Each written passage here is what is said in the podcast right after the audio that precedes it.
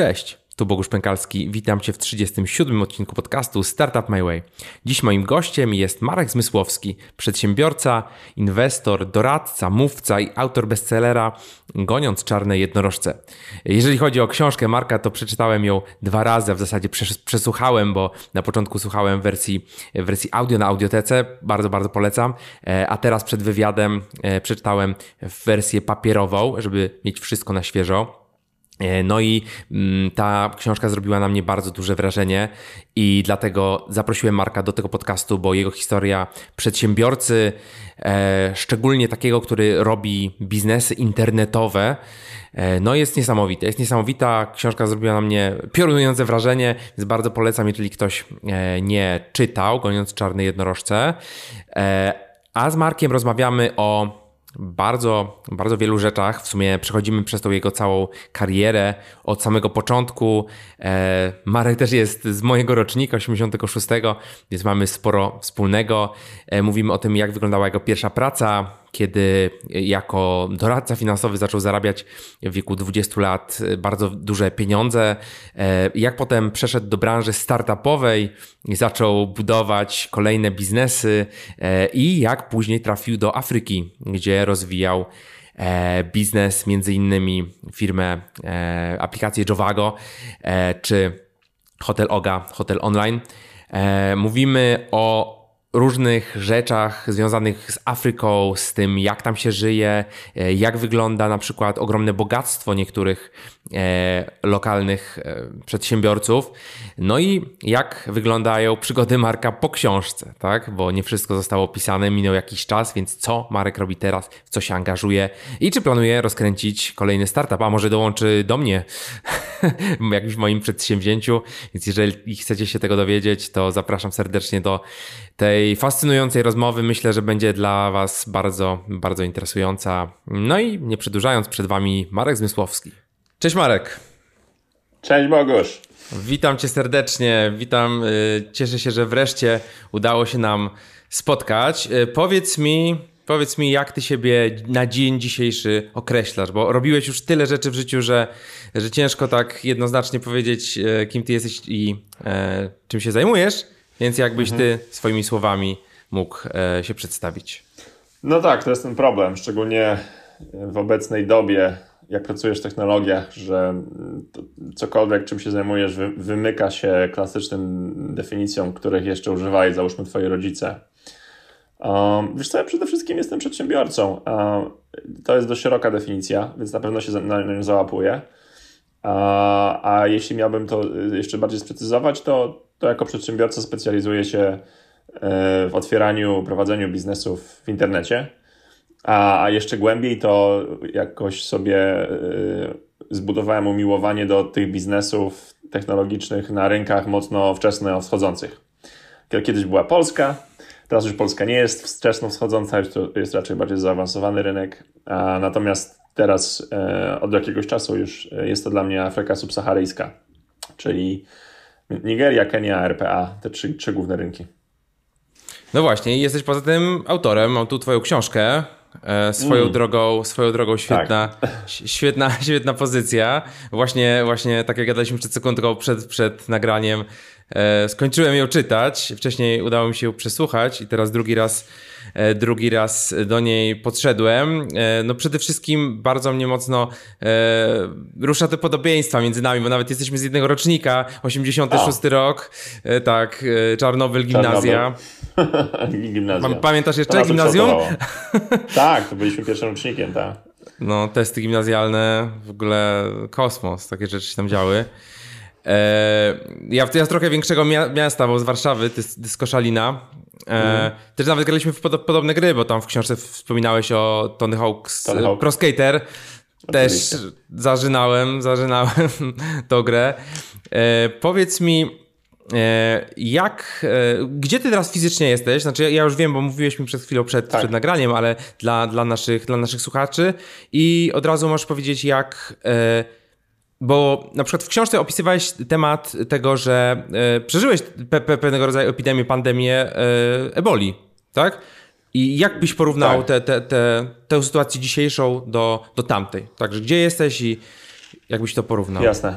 No w tym momencie kwarantannę spędzam w Barcelonie. Tutaj od jakiegoś czasu mogę nazwać Barcelonę moją bazą, bo tu po prostu jest najwięcej moich rzeczy i mieszka też moja dziewczyna, tutaj razem jesteśmy. Natomiast gdyby nie było problemów z podróżami, które teraz wynikają z, z, z korony, to, to, to jest mniej więcej dzielę czas pół na pół, czyli dwa tygodnie w Barcelonie, stąd pracuję zdalnie i, i dwa, trzy tygodnie w podróży, głównie w któryś z tych trzech właśnie krajów, bo, bo 100% mojego biznesu to są de facto, jest de facto cały czas Afryka. Uh, I jakby moja druga taka sami baza po Barcelonie to jest Cape Town. I to są te dwa moje ulubione miejsca na świecie, gdzie, gdzie zawsze najłatwiej mnie znaleźć, może tak. Uh, jeśli chodzi o Twoje pytanie a propos tego, jak się, mm, co się działo podczas problemu e, z ebolą, bo tych takich mini pandemii było kilka. Ta taka mhm. najbardziej niebezpieczna, kiedy wszystkim się wydawało, że to zaraz wybuchnie już tak porządnie na cały świat, to był rok 2014. No i ja wtedy akurat mieszkałem w Lagos. Był już taki moment, kiedy wszyscy inni obcokrajowcy, których ja znałem, w zasadzie wrócili do domu tymi ostatnimi samolotami. A ja akurat nie wiem, czy byłem taki odważny, raczej nie, głupi. Chciałem zostać, by pokazać lo lojalność wobec firmy i wobec moich współpracowników, którzy musieli zostać. Natomiast wiesz, problem z ebolą to jest, to jest, zupełnie inny rodzaj pandemii, bo ebola przede wszystkim zabija bardzo szybko, co jest akurat dobre, bo tak do tygodnia od, od pierwszych symptomów. I ebola, eboli nie możesz się zarazić, ebolą nie możesz się zarazić od kogoś, kto nie ma jeszcze symptomów. E, więc jak ktoś się źle czuje, czy od razu ma gorączkę, no to i on wie, i ty od razu wiesz, że, że, że coś jest nie tak. Więc stosunkowo łatwiej można taką ebolę e, zdusić e, w zarodku. Natomiast o wiele bardziej mm, niebezpieczne, niebezpieczne to może nie jest dobre słowo. Wszyscy się bali o wiele bardziej, jeśli nie, niż teraz, z uwagi na to, jak śmiertelna jest to choroba. Jak, jak wiele osób, jak szybko od razu ona, ona, ona zabija. Tutaj jest tutaj, z koroną jest trochę inaczej, bo jednak wiele osób przychodzi to bezobjawowo, jak masz silny organizm, to raczej sobie poradzisz.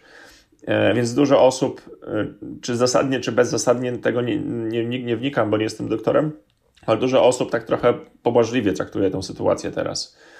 E, mimo tego, że Ebola zaatakowała na mniejszą skalę, to jednak ta świadomość, że jak ją dostaniesz, to w zasadzie nie ma dla ciebie ratunku, zupełnie inaczej działa na psychę.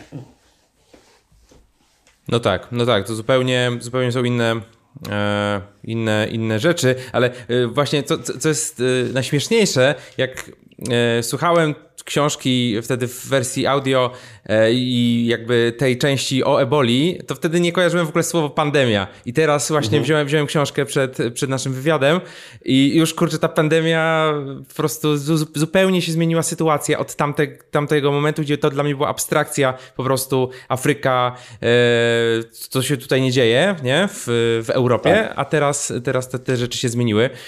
E, no właśnie, jeszcze jakby wracając do tych takich, takiego takiego połączenia między, między trochę, trochę mną a, a, a tobą. Też właśnie jestem z, z, powiedzmy zamiłowania podróżnikiem. Mhm. E, I e, robię interne, biznesy w internecie oczywiście. E, tylko, że może plub, nie wiem, czy to, czy to jest na plus, czy na minus, że po prostu jako programista usiadłem na etacie na wiele lat i dopiero kilka lat temu przeszedłem, tak, przeszedłem na stronę. Wyleciałeś z gniazda. Tak. tak, na ciemną stronę mocy przedsiębiorczości i zacząłem budować startupy i na, najpierw nieudane, teraz już całe szczęście udane, e, a teraz e, nowe. E, ale powiedz, jak to było z tą twoją pierwszą pracą, czyli Efekt, e, obecnie chyba Finance, tak? tak. To jest, chyba tak się teraz nazywają. Chyba tak, tak się, ta, tak, właśnie spojrzałem na twojego LinkedIna i, i zobaczyłem, że, że nie ma tam efektu, jest finance. Mm, powiedz mi, jak, e, jak wspominasz te czasy i co, co ci tak najbardziej utkwiło w głowie z tamtego okresu, jak to się zaczęło mhm. i takie, nie wiem, lesson le lessons learned? Wiesz, to była jedna z lepszych szkół życia, czy też biznesu. To dam, dam słuchaczom background story. E, ja pochodzę z takiej bardzo klasycznej rodziny. Tata żołnierz, mama nauczycielka. Nie miałem pojęcia, co chcę robić w życiu. Mama mi wszystko już ustawiła. Powiedziała, że będę studiował na Politechnice, najlepiej jakąś fizykę, a potem zrobię studia pedagogiczne, będę mógł być nauczycielem fizyki. No bo wiesz, dla, dla moich rodziców, którzy większość życia spędzili najpierw w biedzie, która jeszcze była efektem II wojny światowej, a potem komunizmu. E, tak naprawdę ja się urodziłem zaraz pod sam, schył, sam koniec komunizmu Dla nich jednak praca w budżetówce była związana była ze stabilnością, a żeby uzyskać stabilność, to jedynym, jedyną ścieżką jest edukacja. Więc rodzicom bardzo zależało na tym, żebym ja po prostu miał stabilne życie, żebym nie miał tych samych problemów, mówiąc wprost, z biedą, które, którymi oni się borykali. I, i, i ich rodzice, moi dziadkowie. E, natomiast ja bardzo chciałem uciec od tej, tej koncepcji, że już całe moje życie jest zaplanowane, no bo wiesz, e, na wczesne, we wczesnych latach 90., kiedy ja byłem dzieciakiem, czy ty, no to już mieliśmy dostęp do, do chociażby MTV, gdzieś tam na satelicie można było obejrzeć i miałeś to okno na świat. Jeszcze internetu nie było ani smartfonów, ale była telewizja satelitarna. No tak. I widziałeś, jak inne dzieciaki żyją, jak inna, inaczej młodzież się ubiera i jakie ma możliwości. Ja bardzo chciałem mieć tą możliwość. No, ale zaczęło się od tego, że się wyprowadziłem do Poznania, czyli jak najdalej jak się dało, bo tam była Politechnika, ale e, cały czas rodzice mnie niejako kontrolowali moją, moją ścieżkę życia, e, płacąc mi kieszonkowe i opłacając mi moje życie de facto, więc musiałem sobie szybko znaleźć pracę. E, I koniec końców przez przypadek, bo przez kumpla wylądowałem w firmie, która myślałem, że to jest jakieś doradztwo finansowo-inwestycyjne, wtedy jeszcze niewiele się zastanawiałem, co to jest. To się okazało po prostu firmą, która była typowym pośrednikiem finansowym, która, firma, która sprzedawała kredyty hipoteczne, ubezpieczenia, polisolokaty i inne rzeczy i na tym się zarabiało masę kasy po prostu. Jeszcze jak mogę sprzedawać tego typu produkty w strukturze MLM-owej, czyli zarabiasz prowizję nie tylko od swojej sprzedaży, ale od sprzedaży ludzi, których rekrutujesz i tych, którzy oni rekrutują, no to z tego się robi bardzo ciekawa e, e, e, bardzo ciekawa możliwość zarabiania kasy. No i tam zarobiłem pierwsze duże pieniądze i też mi po prostu odbiła woda sudowa do głowy. Jak oglądacie, ty oglądałeś Wolf of Wall Street, to pewnie widziałeś wiele wspólnych rzeczy z tym, co tam się działo, a co no, u nas no, no. się działo. I tam się bardzo dużo nauczyłem, jeśli chodzi o sprzedaż, bez wątpienia, bo, bo, bo modele funkcjonowania takich firm oczywiście przyszły ze Stanów czy z Europy i sposób yy, wiesz, wykonywania zimnych telefonów do klientów, którzy nie mają zielonego pojęcia, kim ty jesteś, a, a na koniec dnia ufają tobie ze swoimi inwestycjami, czy, czy biorą od ciebie kredyt, e, to to są mistrzowskie metody i, i, i te umiejętności organizacji, budowy siły sprzedaży do dzisiaj często wykorzystuję. Natomiast od strony personalnej, no to było jedno wielkie pranie mózgów. Brało się właśnie chłopaków kilkunastoletnich, no, dziewiętnastolatków, którzy wyglądają już w miarę dobrze, bo mają, wiesz, okulary i, i rozsądnie, mają jeszcze garnitur ze studniówki, którzy często pochodzili e, właśnie z biedniejszych rodzin, a i można było ich mocno, mocno zmotywować, żeby teraz zarabiać o wiele więcej. Wiesz, moja pensja, pierwsza pensja to była jak wielokrotność pensji mojej mamy. Więc wiadomo, że byłem w to wciągnięty. Więc więc z jednej strony świetna szkoła biznesu, chociażby sprzedaży. Sprzedaż ci będzie potem potrzebna przez całe życie. Z drugiej strony, y, na krótką metę, wiesz, totalne wypranie mózgu i, i wiele chłopaków tam pokończyło swoje kariery, bo wpadły, mhm. wpadli w narkotyki albo zrobili coś złego i, i życia im się ciekawe pokończyły. Ja miałem to szczęście, że się jakoś wykaraskałem z tego wszystkiego.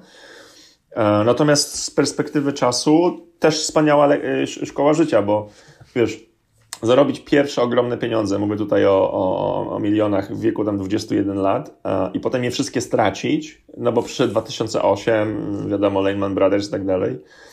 E, I potem jakoś z tego wykaraskać, to jest niesamowita szkoła y, pokory y, i doświadczenie na, na, na resztę życia. Więc z tej perspektywy też bardzo cenne. Nie? No właśnie, i tam też taka jedna z kluczowych postaci na początku twojej E, twojego rozwoju, czyli ten słynny Felix, tak, który cię tam opierał odpowiednio, tak? tak? Motywował, przepraszam. E, wspominałeś chyba, że on e, zmarł tragicznie, tak, lecąc swoim odrzutowcem. Tak, to było bardzo przykre niestety, tak? bo to facet, Kurczę. który wykształcił, wytrenował setki, jak nie tysiące ludzi, którzy teraz odnoszą ogromne sukcesy w wielu różnych e, branżach i on był dla nas też trochę jak jak ojciec. Poza tym, że nas tam mocno opierdzielał e, i do dzisiaj jak słyszę ten klasyczny dzwonek Noki, którą wtedy miałem, bo już go nie, nie korzystam, to cały czas mi adrenalina skacze, bo to się kojarzy z tym, że on dzwoni, żeby mi opierdzielić. E, to, to, to mimo wszystko na koniec dnia no, przykra, przykra sytuacja, że kogoś osiągnął wszystko, zbudował fi, e, finansowe imperium, a potem się zabił w samolocie, który sobie właśnie kupił, dzięki, bo zawsze o tym marzył. Nie? No tak, no znam gorsze, gorsze sposoby śmierci, w razie czego. Mm, no i w którym momencie jakby przyszedł ten moment, że usłyszałeś w ogóle o czymś takim jak startup, e, firmy internetowe, no bo to jednak duży shift e, karierowy. I, jak to się wydarzyło, że wszedłeś w startupy nagle? Wiesz co, to brzmi strasznie banalnie, to brzmi jak dobra historia do książki, bo rzeczywiście ona jest w książce, nawet dwie, e, ale tak było. Najpierw zobaczyłem jakiegoś gościa gdzieś tam w Polsce, który coś tam cykał i mówię, co taki gość robi, w, wiesz, na Zadupiu, bo to było chyba wtedy w Żywcu czy na jakimś innym mie mieście.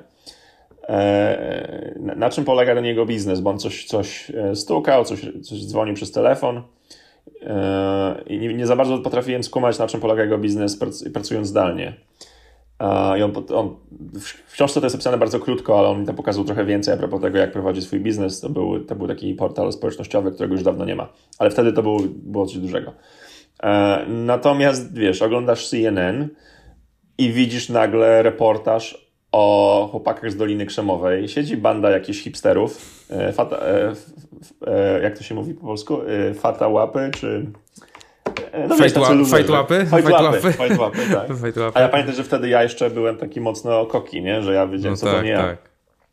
Mówię, to oni tam siedzą na, w tym Starbucksie w Silicon Valley, w tych y, swoich hipsterskich ciuszkach, piją sojową latę, klikają coś na tych swoich MacBookach i tutaj CNN mówi, że podobno właśnie zrobili jakiś milionowy biznes. Mówię, o co chodzi? Nie wiem, co to jest, ale wiem, że skoro oni mogą, to ja też mogę. Um, I to wiesz, to było takie mega, mega na, na ambicjonalne. Nie wiedziałem jeszcze, nie miałem zielonego pojęcia, co to jest. E, oczywiście miałem dosyć finansów, bo straciłem całą kasę. To była też wiesz, sytuacja, gdzie wiesz, musiałem poddawać wszystkie swoje samochody w leasingach i zacząłem pracować na zabarem, żeby tylko zarobić na komornika. Było naprawdę ciężko ale się strasznie w to wkręciłem e, i, i, i, zobaczyłem, że te startupy to jest możliwość e, robienia biznesu technologicznego, gdzie klientem jest ktoś w Twoim wieku. Ja co prawda ostatnio linijkę kodu zakodowałem e, wtedy jeszcze na, na pierwszym roku poli, Polibudy, ale to było, wiesz, to było kodowanie w C++, i zupełnie w oderwaniu od jakiegokolwiek, jakiejkolwiek świadomości, że z tego może być biznes. My tam wtedy kodowaliśmy coś, jakiś fragment jakiegoś algorytmu, który miał być potem w jakimś robocie. A to nie miało nic wspólnego z biznesem. A tu nagle otwieram Dokładnie. sobie oczy, że, że, że te fight łapy tak naprawdę teraz mogą kontrolować świat, bo budują biznesy technologiczne i możesz je budować wszędzie z laptopa. Nie musisz mieć takiej prawdziwej hardware'owej technologii jeszcze, przynajmniej przy większości tych biznesów. A to mnie strasznie wkręciło. E, I i ja wtedy z, obrałem sobie metodologię z kolei, że jeśli mam wejść w ten biznes, to chcę wejść w taki biznes w tych startupach, gdzie nie pojawi mi się od razu 1500 konkurentów. No bo skoro każdy może to robić, kto zna podstawy programowania, to znaczy, że szybko ci się pojawi konkurencja. Więc ja uznałem, że muszę wejść w taki sektor, gdzie za bardzo nie będziesz mógł się tym chwalić. No i tak sobie rozkminiłem rażę pogrzebową, bo jednak wtedy nastolatki, którzy potrafi, nastolatkowie, którzy potrafili kodować, to jednak bardziej woleliby założyć drugiego Facebooka czy MySpace'a niż, niż drugi portal pogrzebowy. Dokładnie. E, więc to była moja taka ochrona naturalna przed tymi y, młodymi, gniewnymi, którzy mogą mi zaszkodzić. Um, oczywiście nie miałem żadnej, żadnej kasy, ale miałem ogromne szczęście, bo wtedy do Polski wchodziły fundusze z Unii Europejskiej, które dawały kupę kasy na startupy technologiczne. 8.1, ja, 3.1? Tak, ja była chyba tak, 3.1. Tak, tak w moim przypadku, bo do, fundusz dostał, który dał mi pieniądze. I, i, I, za to będę do dzisiaj, wiesz, dozgonnie wdzięczny koncepcji Unii Europejskiej, która potrafi wyciągać ludzi z różnych y, terapatów i, i podnosić poziom życia de facto poprzez pakowanie kasy w ekonomię, budowanie nowych firmy, zwiększanie zatrudnienia i tworzenie PKB. Oczywiście Unia Europejska wydaje też masę kasy na różne, na duże, dużo głupich rzeczy ale to, to nie jest też przedmiotem tej rozmowy. No i tak się wkręciłem we, w startupy i, i, i zacząłem e, kminić, jak tutaj teraz zrobić marketplace w branży pogrzebowej i jak na tym zarobić e, pieniądze. I tak się zaczęły moje pierwsze przygody z pivotami, z z odpadaniem produktów, bankrutowaniem produktów i tak dalej, i tak dalej. Czyli typowa, typowa ścieżka mm, foundera. No właśnie, i tak, tak właśnie pojawił się Mementis. Mementis. E, patrzyłem nawet, czy ta, czy ta, czy, czy ta domena jest w ogóle zajęta i faktycznie jest, tak, jest Mementis, działa jakiś Mementis. Tak. Czy to jest e, pokłosie tego, co ty stworzyłeś wtedy? Tak, to jest cały czas ta sama firma, ona nadal działa. To oczywiście nie jest, nie jest to jest cały czas ta sama firma, którą de facto wtedy sprzedałem później. Tam za bardzo, za wiele się nie zmieniło.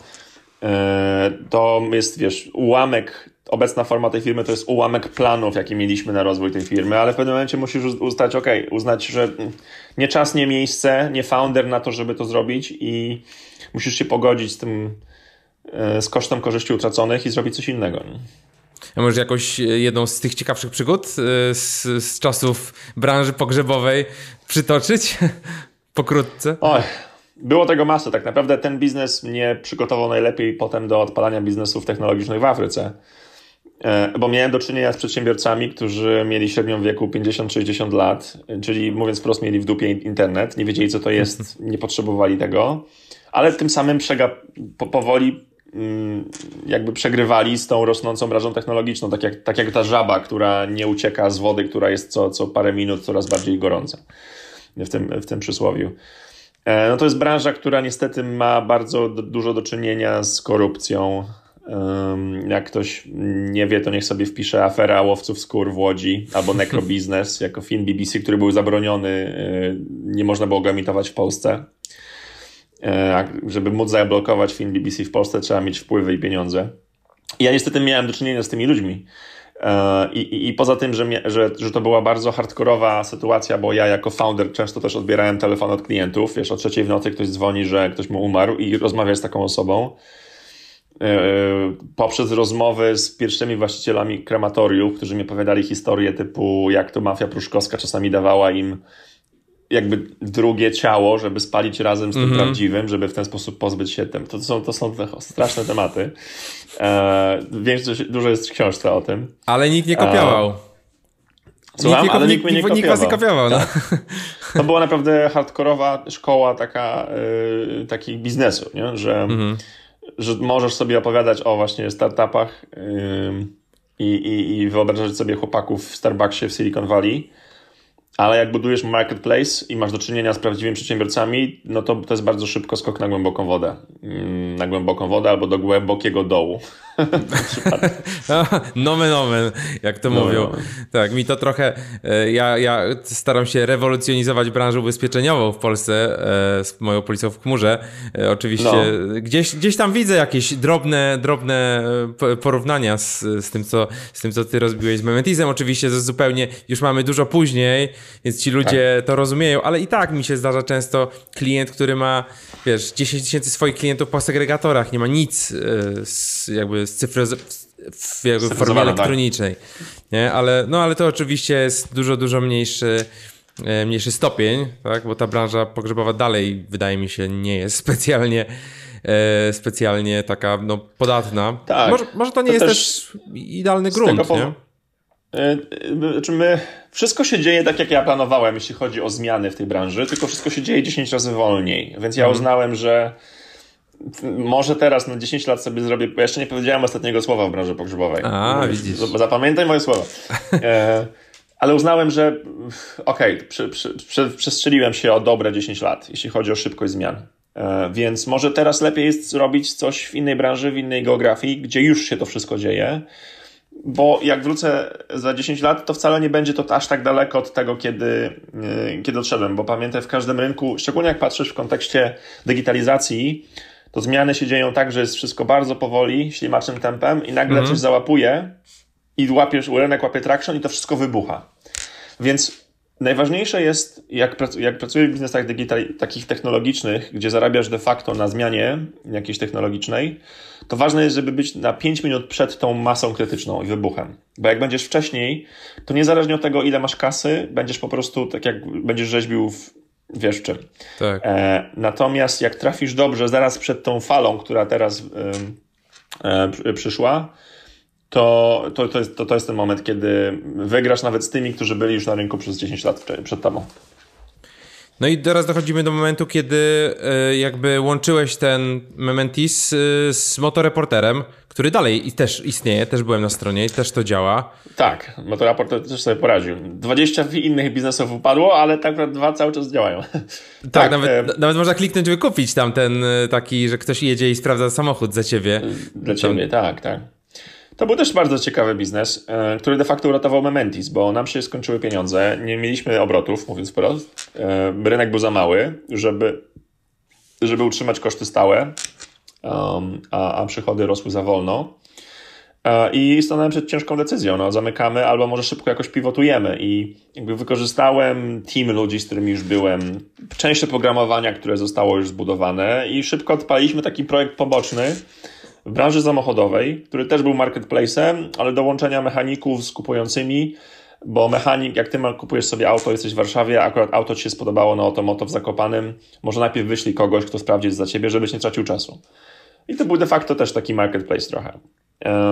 I to zażarło bardzo szybko, bo rynek był już gotowy, bo większość transakcji zakupu i sprzedaży auta jednak się zaczyna, zaczynało już w internecie. E, i, I trafiliśmy na podatny gród. I to właśnie o to chodziło, że, że w przypadku tej branży motoryzacyjnej trafiliśmy na, na 5 minut przed. I, i, i przychody z, z motoraportera, a potem inwestorzy, którzy przyszli, de facto pozwolili nam podciągnąć też e, i uratować e, Memendis. To się potem już rozbiło, bo sprzedaliśmy te tematy osobno.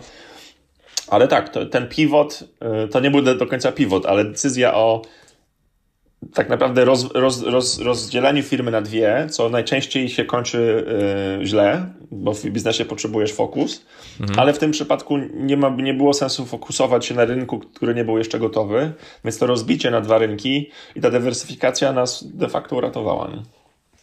No ale nagle przychodzi moment, że pojawia się Rocket Internet, ni stąd, ni zowąd. I Marek stwierdza, a rzucam wszystko w cholerę i wyjeżdżam. Jak to było? tak, no.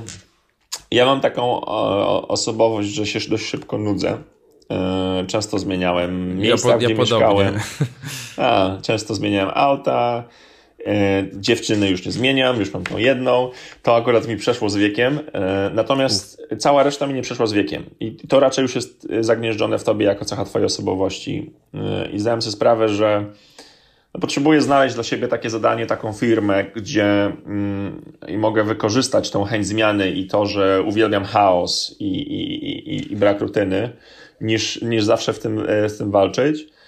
A druga rzecz była taka, że mnie mi coraz bardziej zaczynało doskwierać, dos, zaczął mi doskwierać brak odpowiedniego wykształcenia w robieniu dużego biznesu międzynarodowego bardzo szybko, ale y, mając na myśli wykształcenia, nie mam na myśli tytułu uczelni.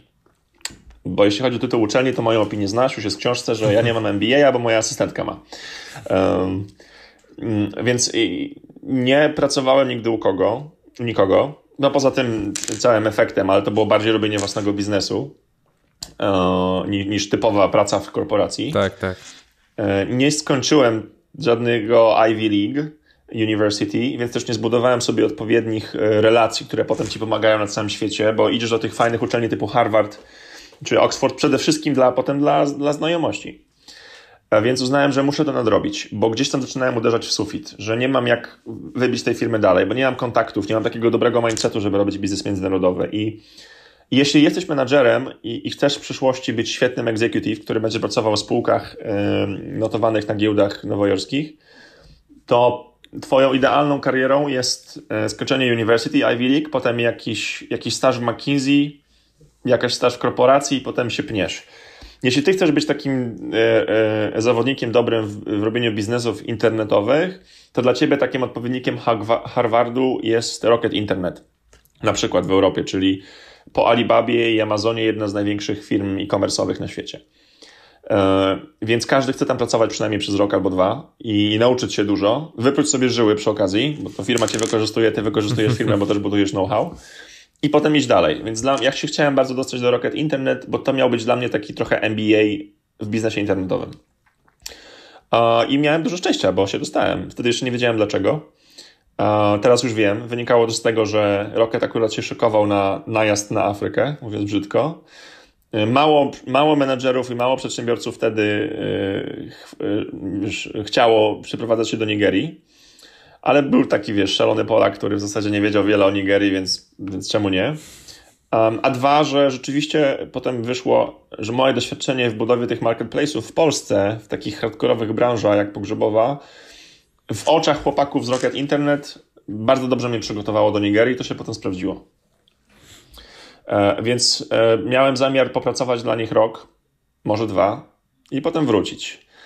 No i tak zostałem już 8 lat, nie? Znaczy w sensie w Afryce. W, w Rokecie byłem 4 lata, ale zakochałem się totalnie w Afryce i potem już wszystko, wszystkie swoje biznesy kontynuowałem w Afryce. Do motoraportera nie wróciłem, ani do Metisu.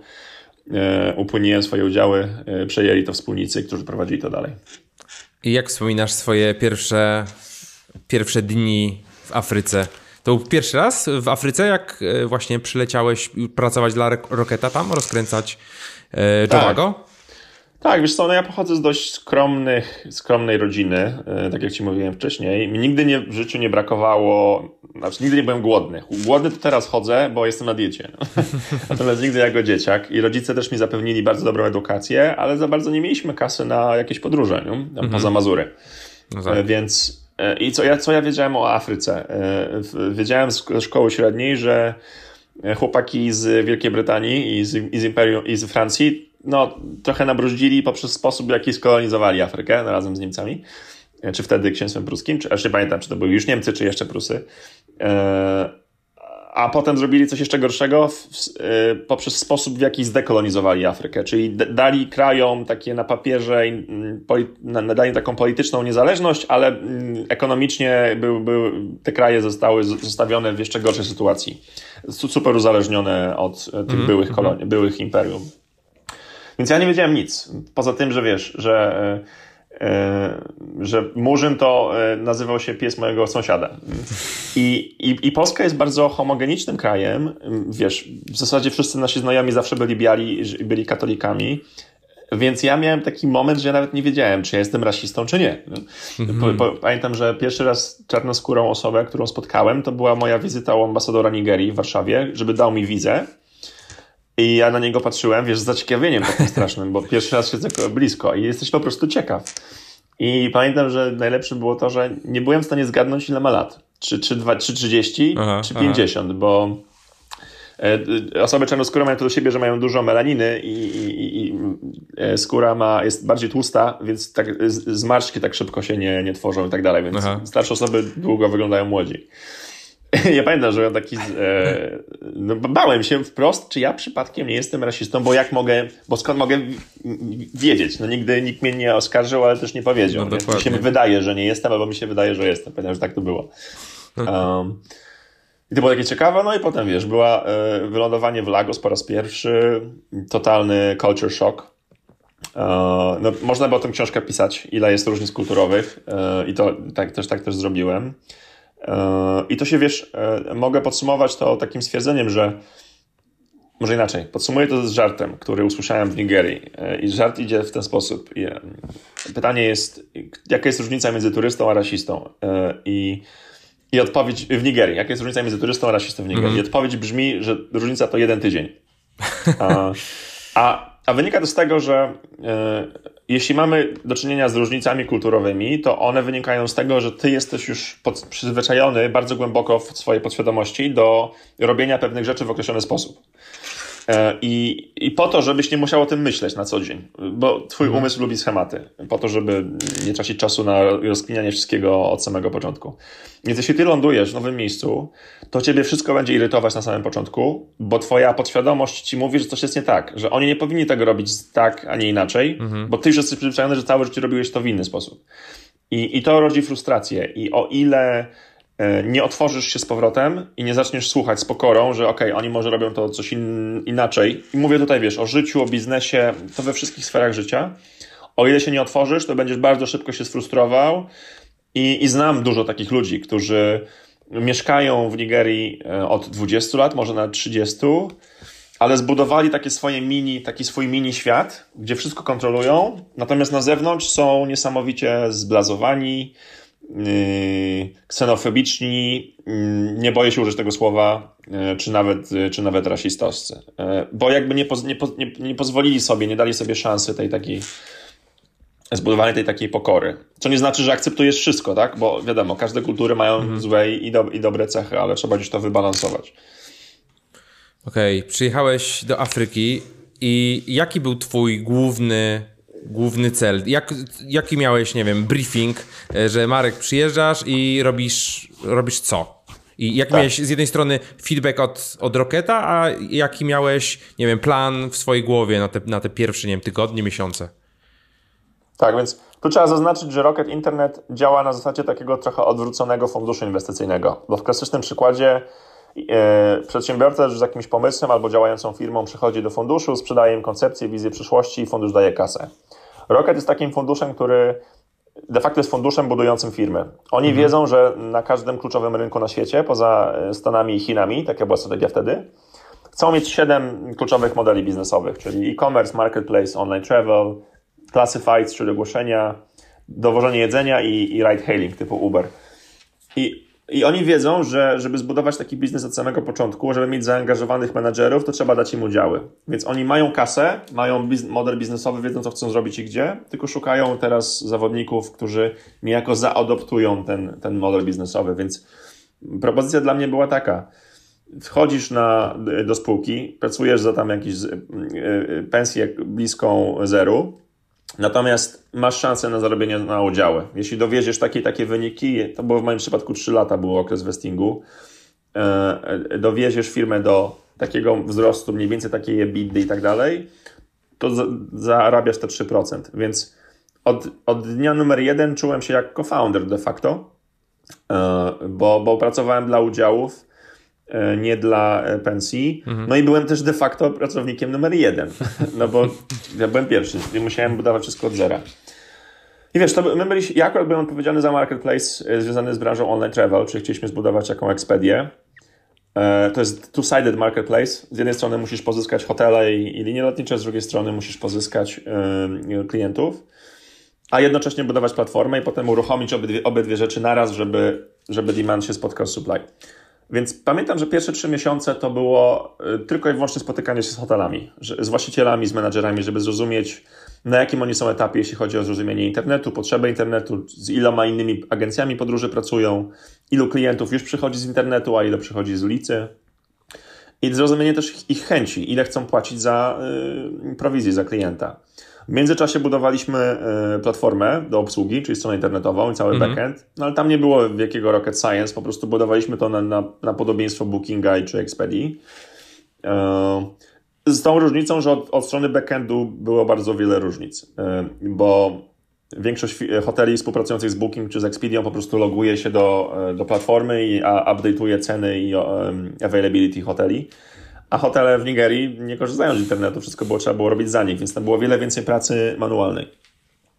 Jak przez parę miesięcy ja już rozkminiłem, jak im to sprzedawać, w jaki sposób budować partnershipy z hotelami, z liniami lotniczymi lokalnymi, to potem powoli sobie budowałem team, bo ja już wiedziałem, co działa, nie działa, więc mogę ten proces multiplikować. Bo byłoby głupotą zatrudniać ludzi, kiedy ja jeszcze sam nie wiem, czego ich uczyć.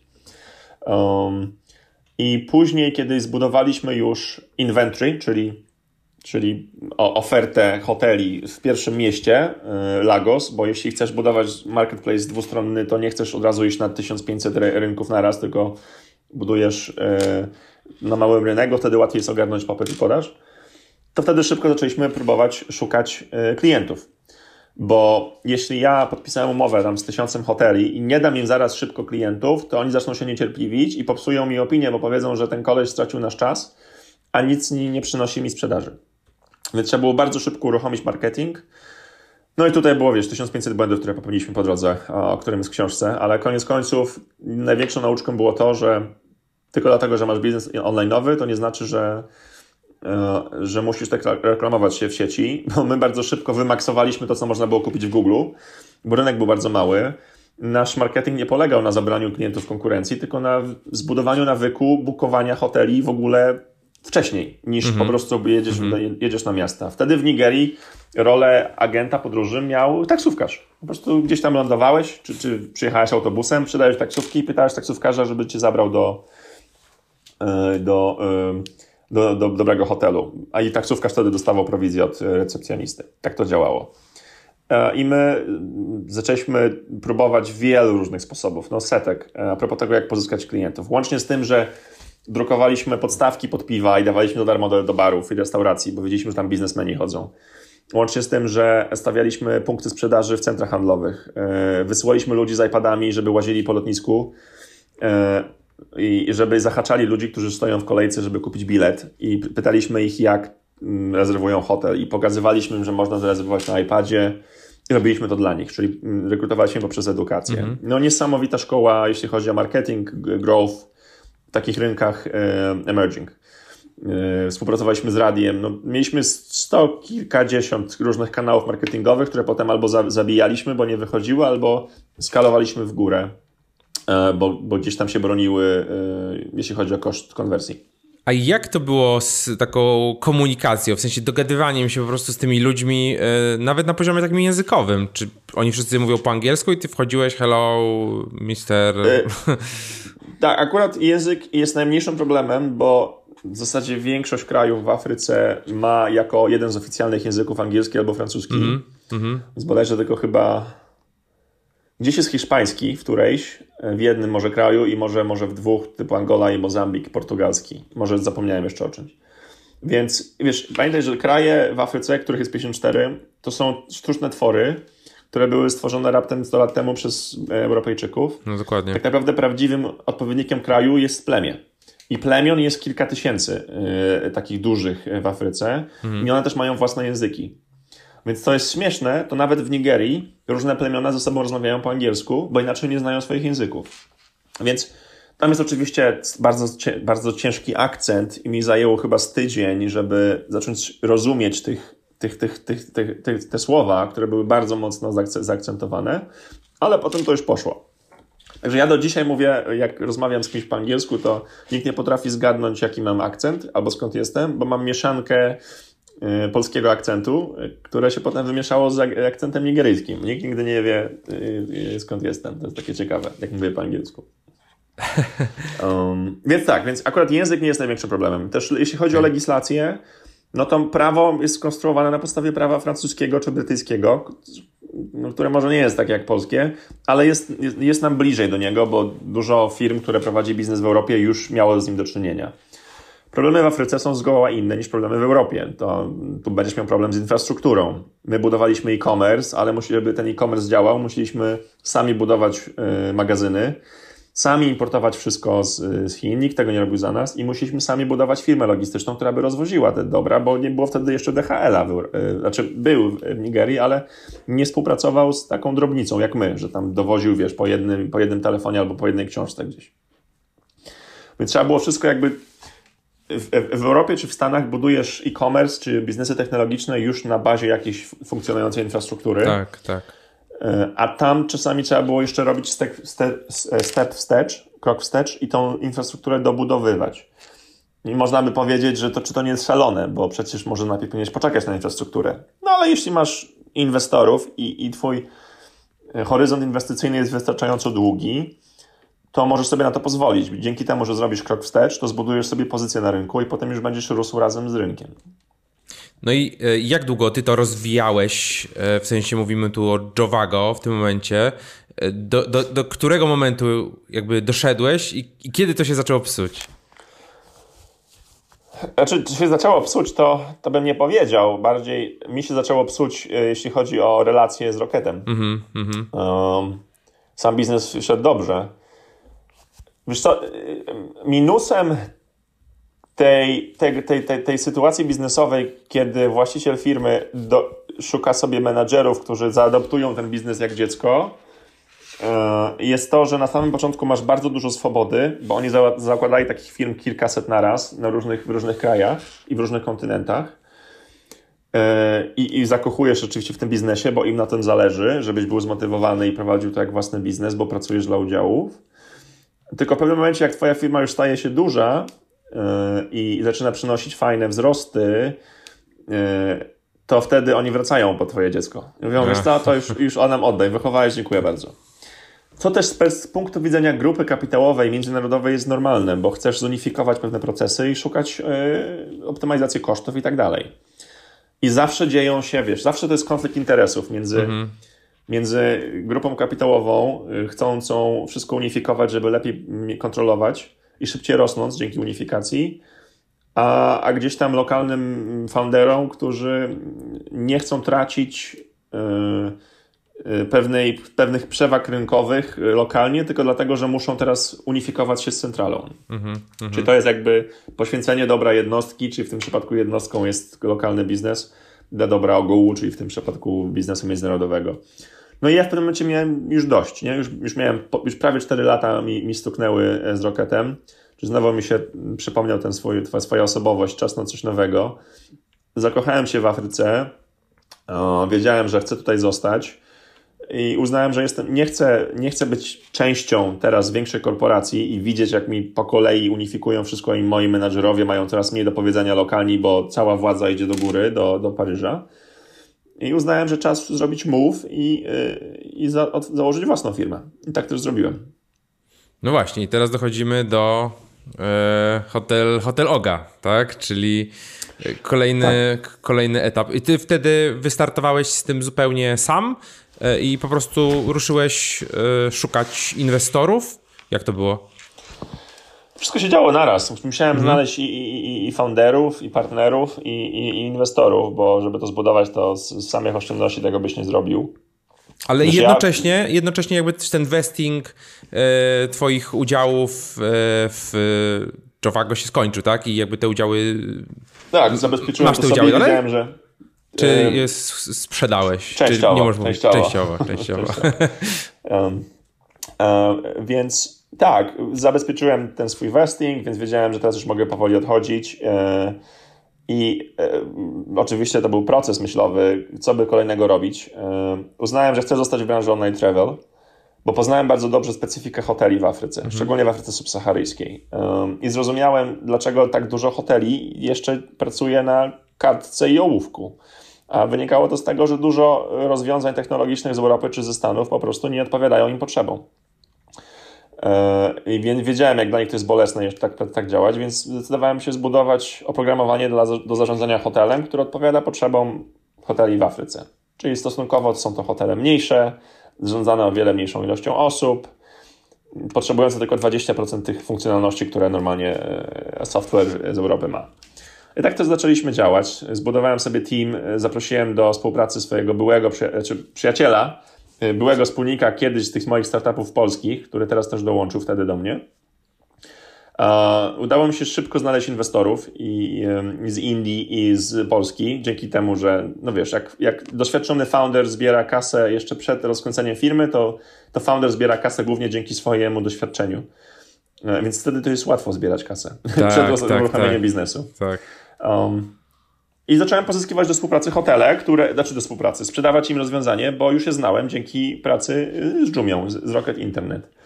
Więc bardzo szybko uruchomiliśmy ten biznes i zaczęło się to całkiem fajnie kręcić, aż zaczęły się problemy, pewnie to też do tego zmierzasz, y, z, z jednym z naszych y, lokalnych partnerów. Wiesz, w biznesie jest tak, szczególnie jak jesteś sam Europejczykiem i chcesz otwierać biznes sam w Nigerii, to już nie miałem ze sobą, wiesz, setek milionów dolarów grupy Rocket Internet mm. i rzeszy prawników i wiem, że gdyby coś mi się stało, nie wiem, łącznie z porwaniem, to oni by zaraz uruchomili specjalny team, który by negocjował, zapłacił i tak dalej, to tutaj jesteś zupełnie sam. No na ambasadę w Polsce nie za bardzo, Polską nie mogę za bardzo liczyć. Mam, i, I co? I uznałem, że warto zrobić biznes z lokalnym partnerem, e, bo on cię tobą zaopiekuje i cię obroni, jeśli twój biznes urośnie i zacznie zwracać na siebie uwagę ludzi nieodpowiednich. Czyli tutaj mam na myśli ci, którzy będą wymuszać koru, jakieś łapówki, którzy cię porwą dla okupu i tak dalej. No mówiąc wprost, jak robisz biznes w Nigerii, czy, czy w Senegalu, czy w Kenii, musisz takie ryzyka kalkulować. I one są o wiele bardziej prawdopodobne, niż mogłyby ci się wydawać. E, natomiast nikt ci nie mówi nigdy, że czasami możesz źle źle wybrać albo nie zrobić odpowiednio dobrego due diligence i, i tego partnera, którego sobie wybierasz jako wsparcie, no to on się okaże potem tym problematycznym. E, więc long story short, zaczęło się wszystko de facto konfliktu wewnątrz zarządu a propos tego, gdzie chcemy iść z tą firmą. I, i tu ci od razu wytłumaczę. My mieliśmy dość innowacyjny model biznesowy, gdzie mm. mimo tego, że byliśmy softwarem, to nie chcieliśmy kasować jakieś licencje miesięcznie, tylko chcieliśmy, żeby hotel nam płacił procent od sprzedaży, y, a sprzedaż mu rośnie dzięki temu, że, robi, że używa naszego software'u. Czyli model agencyjny wykorzystany w software'ze. Żeby to się spinało, no to musisz współpracować co najmniej z tysiącem hoteli, jak nie więcej. W naszym przypadku potrzebowaliśmy tysiąc, żeby zrobić break-even. Byliśmy mniej więcej gdzieś tam na poziomie 600. Um, ja, jak to typowo, wiesz, agresywny menadżer, wiesz, przyzwyczajony do zbierania pieniędzy od inwestorów, mhm.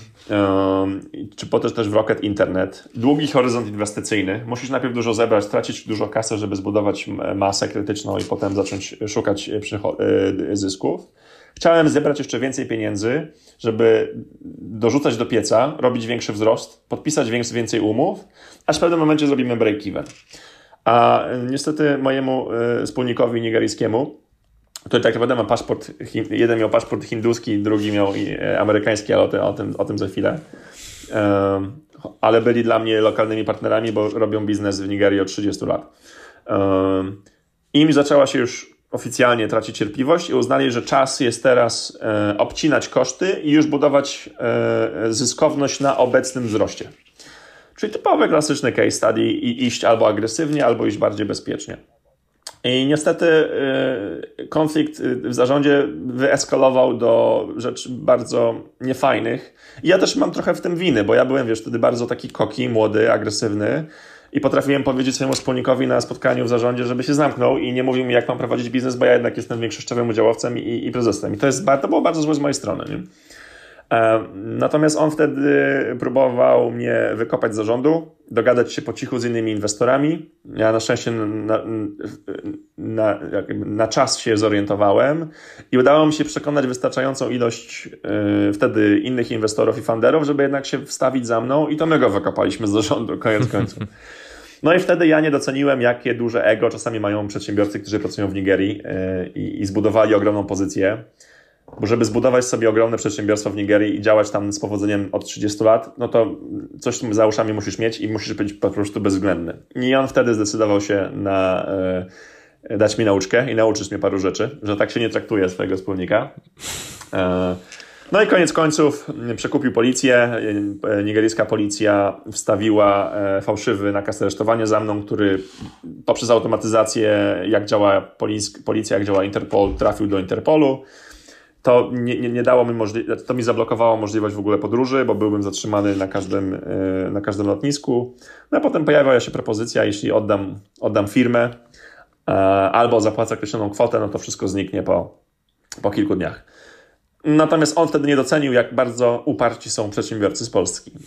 I ja uznałem, że, e, że będę walczył i dla zasady, i może dlatego, że nagle zaświtała mi myśl, że jakby to dobrze się skończyło, to będę miał zajebistą książkę. Przynajmniej będzie to książka biznesowa z fajnym zakończeniem i bardziej kryminalna. I to mi dawało dużo motywacji i uznałem, że będę z tym walczył. E, I koniec końców, trwało to 18 miesięcy, kupę nerwów, ty wiesz, bo czytałeś książkę, przez to przechodziłem. E, spędzając noc w więzieniu i tak dalej. E, sytuacje typu chodzenie na spotkanie z, z, z mikrofonem pod koszulą, żeby zebrać dowody na, na ten szantaż i tak dalej. Dużo mnie to kosztowało, ale koniec końców e, zarówno sąd polski, jak i francuski, bo tam jest siedziba Interpolu, jak i nigeryjski przyznały mi rację, że ten cały nakaz aresztowania był fałszywy, bo tam nie było żadnych znamion jakichkolwiek działań kryminalnych. Poza tym, że to była po prostu, to był po prostu cywilny konflikt wewnątrz spółki. Mm -hmm. Jestem pierwszym i ostatnim, mam nadzieję, obcokrajowcem w Nigerii, który był na tyle głupi, żeby pozwać nigeryjską policję do sądu. I nikt się chyba tego nie spodziewał, że tą sprawę wygrałem. E, e, I, I zrobiła się tego fajna książka. A ja znowu miałem kupę, masę, masę, masę doświadczeń i negatywnych, i pozytywnych, żeby przez to przejść, podobnie wtedy jak w efekcie.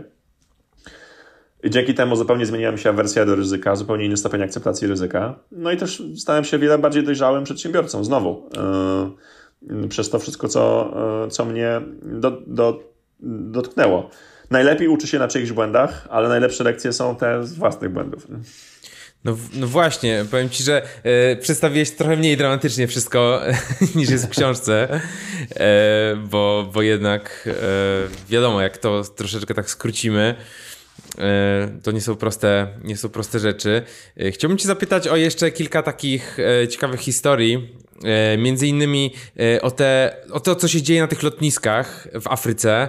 E, ja, ja w Afryce niestety na razie dotarłem tylko do Wysp Zielonego Przylądka, czyli, czyli jeszcze nie byłem w Afryce, choć te, te, technicznie tak, ale gdzieś tam po indonezyjskich bezdrożach jakichś się włóczyłem, gdzieś tam jakimś statkiem stuletnim płynąłem, gdzie było połowę ludzi, połowę szczurów. E, aczkolwiek na, na lotniskach nigdy nie miałem, e, jednak zawsze to było w miarę profesjonalne. No, na kilku wyspach to było takie, że tak przylatywał samolot, że nie wiadomo, czy będzie leciał, czy, czy zaraz spadnie. A bramka to była taka mega prowizoryczna. Ale w porównaniu do tego, co ty opowiadasz e, o swoich przeżyciach i o swoim koledze, który jakby dużo ci pomógł, tak? Mhm. To się wydaje, jakby to była w ogóle totalnie fikcyjna, fikcyjna postać, ten cały Freddy. To jest fikcyjna tak. postać, czy, czy nie? Nie, Istnieje nie naprawdę. prawdziwe, tylko ma, ma inne imię tam naprawdę. Tam wiele imion jest zmienionych właśnie, żeby nikt nie, nie, nie skapnął się, że to jak ktoś czyta w Nigerii, żeby nie wiedział, że to on. Okay. Tak, wiesz to, pamiętaj, że 70% podróży w Afryce to są podróże wewnętrzne, mhm. biznesowe. Oczywiście turyści to jest bardzo duży odsetek i istotny dla ekonomii RPA, czy Kenii, czy paru jeszcze innych krajów, ale branża online travel w Afryce głównie rośnie dzięki afrykańskim biznesmenom z różnych krajów podróżujących dla, yy, yy, dla biznesu. To jest główny motor napędowy. Więc, no i też Nigeria nie jest krajem typowo turystycznym. I, wszystkie lotniska w Nigerii to są lotniska typowo biznesowe, które obsługują e, obsługują ruch lokalny, więc nawet jakieś tam małe, e, poupadające lotnisko na Wyspach Zielonego Przylądka, to to jest nadal lotnisko, które głównie obsługuje pasażerów mm -hmm, turystycznych. Mm -hmm. A, a, lotniska biznesowe, szczególnie takie w Lagos, rządzą się własnymi prawami, które są mocno skomplikowane, jest dużo dodatkowych checkpointów. E, oczywiście oficjalnie, jeśli chodzi o, o, o bezpieczeństwo, Natomiast y, jest bardzo duży biznes robiony na przepuszczaniu tak zwanym fast trackiem y, y, mm, pasażerów, który, tak, czyli takim, samą, takim samym procesem, do którego mają dostęp tylko najwięksi VIP-owie albo dyplomaci. Mhm. I to z tego się robi bardzo duży biznes w Afryce i, no, i to się robi z tego też bardzo dużo fajnych przygód, kiedy to nie jest do końca legalne, kiedy ci ludzie, którzy to sprzedają, mogą to robić nie dlatego, że są oficjalnie tam zatrudnieni, tylko dlatego, że płacą też łapówkę tym wszystkim ludziom na checkpointach. I to jest tak jeden wielki ekosystem. Więc akurat e, Freddy, z którym, e, e, który zawsze mnie obsługuje e, w Afryce, to w Nigerii, to jest bardzo, bardzo kreatywny gościu. I tak, tam były te sytuacje, kiedy nie było prądu na lotnisku, chyba dużo samolotów się pospóźniało, był ogromny tłok, a ja się nie mogłem spóźnić na samolot i on w pewnym momencie kazał mi usiąść na, na wózek inwalidzki i udawać, że jestem, yy, że mam połamaną nogę czy coś, yy, żeby mnie wszyscy przepuścili. A chodziło o to, żeby ci ludzie, z którymi on współpracował, mogli oficjalnie powiedzieć wszystkim, żeby mnie przepuścić, bo, bo, bo jestem na wózku inwalidzkim. To jest tylko jedna z takich historii. No. Nie jestem do końca z niej dumny, ale tak, było tam parę takich. No tak, więcej możecie prze, przeczytać w książce. E, a nie wiem, czy jest prawdziwa, prawdziwe e, imię, e, czy nie, ale bardzo też mnie zaskoczyło, czy zaskoczyło, no byłem pod wrażeniem tego, jak ty obcowałeś z tym ogromnym bogactwem nie? niektórych ludzi i tym pokazywaniem tego bogactwa i między innymi jeden z twoich znajomych, czyli w książce nazwany Deepankar, nie wiem, czy to jest prawdziwe, prawdziwe czy nie, nieprawdziwe imię, jak, jak wspominasz ten wieczór i ten, E, to, to, to, co, to, co było tam w tej, w tej piwnicy tak. czy pod, pod domem, wspaniały garaż. Tak, więc w książce wszystkie wydarzenia są prawdziwe, ale wszystkie imiona są zmienione. Czasami zmienione są też daty albo lokalizacje, bo chodziło o to, że gdyby ktoś chciał mnie pozwać, to, e, to na, na, tym polega właśnie protekcja, że ja mogę udowodnić, że nie wskazuję bez żadnej cieni, cienia, mm. bez żadnego cienia wątpliwości, że to jest ta osoba, bo zmieniłem i imię i datę i tak dalej. E, w każdym razie tak. No, w Afryce, Afryka jest niesamowicie bogatym kontynentem i ma niesamowicie dużą ilość miliarderów i milionerów, nieoficjalną i oficjalną. E, natomiast e, nie ma, nie ma klasy średniej. Jeśli my narzekamy, że gdzieś tam w Stanach Zjednoczonych, nie wiem, 80% bogactwa należy do 10% najbogatszych, to w Afryce można spokojnie powiedzieć, że 99% całego bogactwa Afryki należy do 0,5%. E, tak, tak bardzo są to hardkorowe różnice. I, i, i, I siłą rzeczy musisz spotkać tych ludzi w pewnym momencie na swoim na, swoim, y, na swojej ścieżce biznesowej, bo oni po prostu kontrolują wszystko y, od strony biznesowej. I, to jest, I ty sobie zdajesz sprawę, że jesteś już na, dobrym, na dobrej drodze w biznesie, kiedy zaczynasz spotykać się z ludźmi, którzy mają takie same nazwiska jak ludzie, jak na nazwiska, od których są ulice. Więc to był taki pierwszy okres. I tak, i to są. Było wielokrotnie. Ja w książce mam tylko napisano o jednej sytuacji, kiedy zostałem zaproszony na imprezę w domu, a to była taka impreza, że na, nas było kilka, kilka osób i więcej było służby, które nas obsługiwała i kucharzy niż, niż osób imprezujących łącznie z, z, z egzotycznymi e, e, zwierzętami. Chociaż akurat panter, pantera w, w Afryce nie jest aż tak egzotyczna w ogrodzie twoim, jak pantera w twoim ogrodzie w Stanach. A, a, a masz podziemny garaż na kilkadziesiąt aut. E, a, a, albo podziemny garaż ma kilka pięter i na najniższym piętrze masz swój własny wewnętrzny basen. Chyba nawet, nawet o tym nie pisałem w książce. Nie, tego nie było. To jest po prostu niesamowite bogactwo, bo też ludzie, którzy Ludzie bardzo bogaci, którzy dorobili się bardzo szybko i bardzo łatwo, mają też to do siebie, że dużo rzeczy nadrabiają wydawaniem kasy, żeby sobie podbić też status albo ego. E, więc, e, więc trzeba pokazać, że się ma pieniądze, nawet jak się ich nie ma. Więc z takich sytuacji miałem masę e, w Afryce. Łącznie z tym, że wiesz, idziesz na imprezę, loża dla VIP-ów jest zawsze w centrum uwagi, nie schowana jak to w Polsce, tylko właśnie w centrum uwagi, żeby wszyscy wiedzieli, co, za, co za, zamawiasz. To chyba też już nie, przychodzi do Europy. Nie wiem, już, ja już za stary jestem na, takiej, na takie imprezowanie. E, I, I łącznie z tym, że ktoś zamawia e, najdroższego szampana, bo wtedy DJ wyłącza muzykę, każdy skanduje twoje imię potem wszyscy wracają do swojej imprezy, a ty cały czas chcesz być centrum uwagi, więc co robisz? Wylewasz tego szampana, którego, którego przed chwilą zapłaciłeś parę tysięcy dolarów i zamawiasz kolejnego. Ja byłem świadkiem tego. Um, więc tak, tam jest, dzieją się bardzo dużo, dużo dziwnych rzeczy, jak, jak masz do czynienia z ludźmi, którzy zarobili za dużo pieniędzy za łatwo, e, bo, bo nie wiem, bo dziadek albo, albo wujek e, e, miał, wiesz, deala z rządem. Tak naprawdę teraz ci mogę powiedzieć, nigdy o tym nie mówiłem. Ja miałem cały o tym rozdział, ale prawnicy mi to kazali usunąć, bo, bo by było bardzo ciężko, gdyby to, to, wyszło. Tak, tak. tak. E, miałem o tym cały rozdział, a z tego się zrobiło tylko chyba kilka paragrafów. A, Natomiast jak ktoś jest. To, to na maila mi wyślij, wiesz, ja nie będę się dzielił. tylko między nami, tak? Tylko między nami. Natomiast jest, jest fajny film dokumentalny, chyba nie wiem, czy jest na YouTubie. Opublikował go Channel 4 E, Channel 4 brytyjski i on się chyba nazywa From Lagos to London.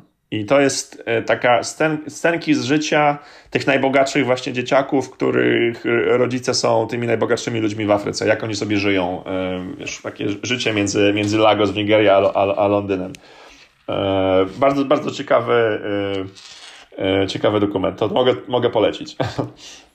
No właśnie, a powiedz mi, jak e, od, po tamtych e, wydarzeniach, e, czyli zakończyła się cała, cała historia z, z konfliktu z, z inwestorem, wyszedłeś z tego w miarę zwycięsko. Tam się jeszcze coś ciągnęło w tych kwestiach? Że jeszcze jakieś tam były, były rzeczy, nie, nie, nie wiem, przyjemne czy nieprzyjemne? W co do tej sytuacji? Nie, no wszystko zostało zakończone, w zeszłym roku, wtedy wyszła książka. Tak. Nie ścigają cię jacyś, wiesz, yy, asasyni po całym świecie. tego nie wiem, tego nie. nie wiem. Wiesz, jakby coś mi się stało, to książka, to sprzedać mi podskoczy. Nie no, na, na gruncie prawnym wszystko, co mogłem wygrać, wygrałem. Ja bardzo liczyłem na to, żeby oni mnie pozwali do sądu cywilnego. E, bo, bo wtedy w sądzie cywilnym mogłem ich spokojnie, mogłem z tymi spokojnie wygrać, ale chodziło o to, że oni nigdy mnie sami nigdy nie pozwali. Mm, że no tak. za, mną, za mną mnie atakowała tylko i wyłącznie nigeryjska policja, która działała na podstawie jednego zeznania. No, ktoś poszedł na, na komisariat policji i powiedział, że ukradłem mu 200 tysięcy dolarów. To mm. było zeznanie, bez żadnych dowodów i tak dalej. Więc ja ja nie mogę nigeryjskiej policji za zabronić robienia in investigation w mojej sprawie, jeśli im się wydaje, że jest popełnione przestępstwo. I na tym, na tym właśnie polegał kruczek prawny. Ja liczyłem, że ta druga strona mnie oficjalnie pozwie gdziekolwiek, o cokolwiek. To się oczywiście nigdy nie wydarzyło. E, więc jedyne, co mogłem zrobić, to udowodnić, że działania policji w Nigerii wobec mnie są bezprawne i to też zrobiłem. Jak, jak Także formalnie... Mhm. No, no mów, mów, mów, kontynuuj. Także formalnie to się, to się wszystko po prostu zakończyło, bo, bo policja już sobie odpuściła, jak przegrała trzy sprawy pod rząd. A tak naprawdę pewnie skończyły się, skończyła się chęć i, i pieniądze tej drugiej stronie, żeby, żeby dawać motywację tym panom, panom z komisariatu pewnego z policji w Lagos, żeby dalej wysyłać pisma w moim, imieniu. E, skończyła im się chęć. A natomiast pytałeś o to, no to więc tak, więc formalnie wszystko jest, wszystko jest ok i nikt mnie nie, nie ma prawa ścigać, natomiast jak to, się, co, jak to się skończyło dla firmy? Bardzo źle, bo jeśli walczy ze sobą zarząd i poszło na, na noże, bo została w to jakby zaangażowana policja, to ty sobie możesz wyobrazić, co się, co się dzieje dla wizerunku firmy. Mm, y, pracownicy zaczęli się obawiać mhm. o przyszłość, y, partnerzy zaczęli odchodzić, odstraszyło to inwestorów. Y, częścią działań drugiej strony było również właśnie celowe odstraszanie inwestorów, żeby osłabić moją pozycję, mhm. bo pamiętaj, że to ja byłem wtedy odpowiedzialny za firmę, bo oni zostali z zarządu usunięci. Więc działanie na niekorzyść firmy było też częścią no, dania mi nauczki, że nie pozwalasz mi prowadzić firmy tak jak chcę, więc ja też zniszczę twoją firmę. Więc koniec końców firma teraz oczywiście przetrwała, e, została sprzedana, e, połączona de facto z, z, z naszym konkurentem. Do dzisiaj funkcjonuje. No teraz sobie najlepiej nie radzi przez koronę, ale przed koroną no była, dość dobrze sobie radziła, była największą firmą tego typu w Afryce Subsaharyjskiej, jeśli chodzi o, o to programowanie. Natomiast to i tak jest, wiesz, frakcja tego, czym ta firma mogła być, gdyby nie było tego mm, konfliktu. Ja biorę na siebie y, tą część komunikacyjną, że ja zdecydowanie mogę y, lepiej zachowywać się, komunikować plany, rozwój własny jako, jako przedsiębiorca czy prezes no byłem młody, wydawało mi się, że mogę wszystko i, i byłem bardzo zmotywowany, miałem, byłem pełen, pasji, ale nie, nie byłem wystarczająco pokorny, rozmawiając z innymi osobami. Natomiast no wiesz, za część y, przekupienia policji i, zamiany konfliktu y, w zarządzie na coś, co jest de facto złamaniem prawa, bo przekupienie policji jest złamaniem prawa, łącznie z haraczem, extortion, attempt i tak dalej no to za to już odpowiedzialności nie biorę. No i, i, ty miałeś chyba, z tego co pamiętam, zakaz podróży do, do Afryki przez jakiś czas. Znaczy nie, nie tyle zakaz, co. Znaczy, bo Red Notice, czyli nakaz aresztowania, który był włożony do Interpolu, działa, bo Interpol działa trochę jak Facebook. Każdy, może, każdy, każdy członek, każdy, kto ma konto, a, a każdy w zasadzie komisariat policji, który ma internet y, kraju członkowskiego, może wrzucić mm. taki z automatu taki e, nakaz aresztowania, od razu ląduje i jest e, update'owane i wszyscy to mają na świecie.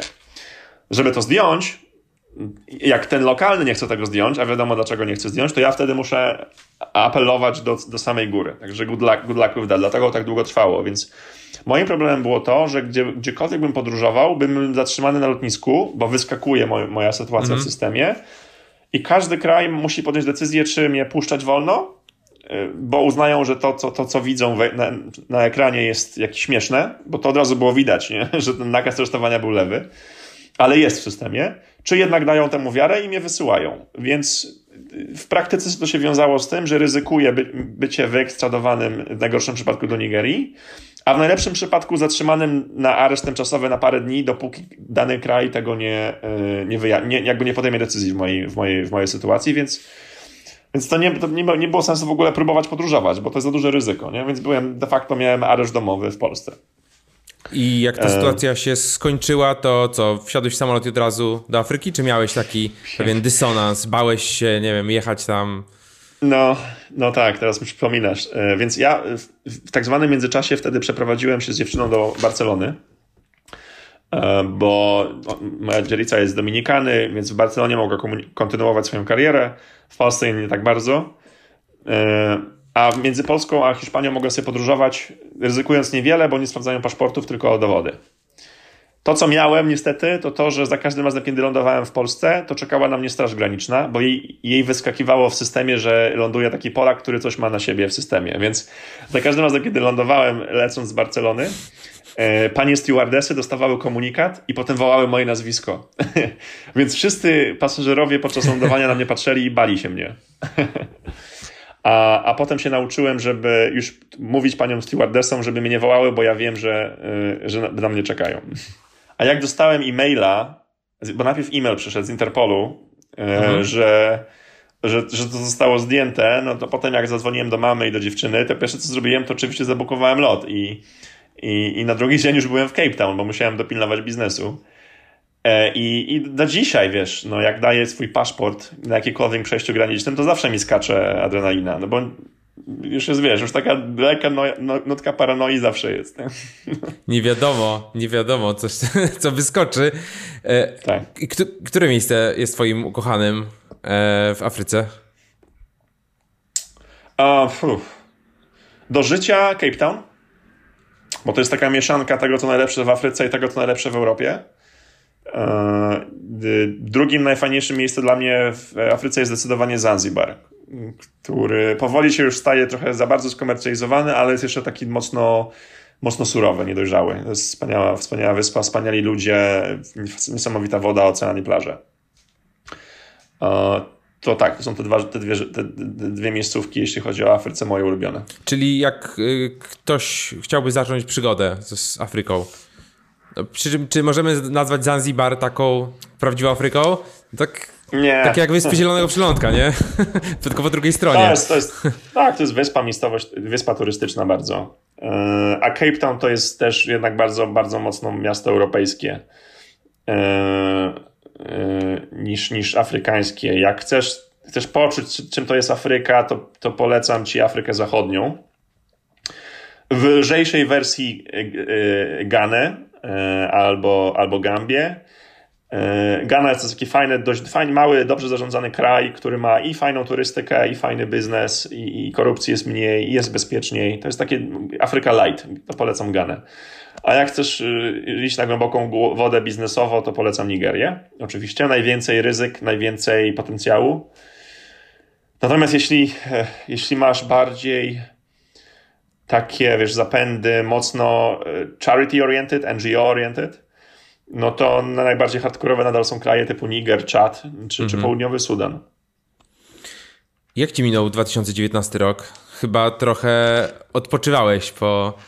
E, bo cała ta historia kończy się mniej więcej gdzieś na, na przełomie 2018-2019, tak. tak? Czyli Dokładnie. Tak. 2019 rok. E, czym się zająłeś?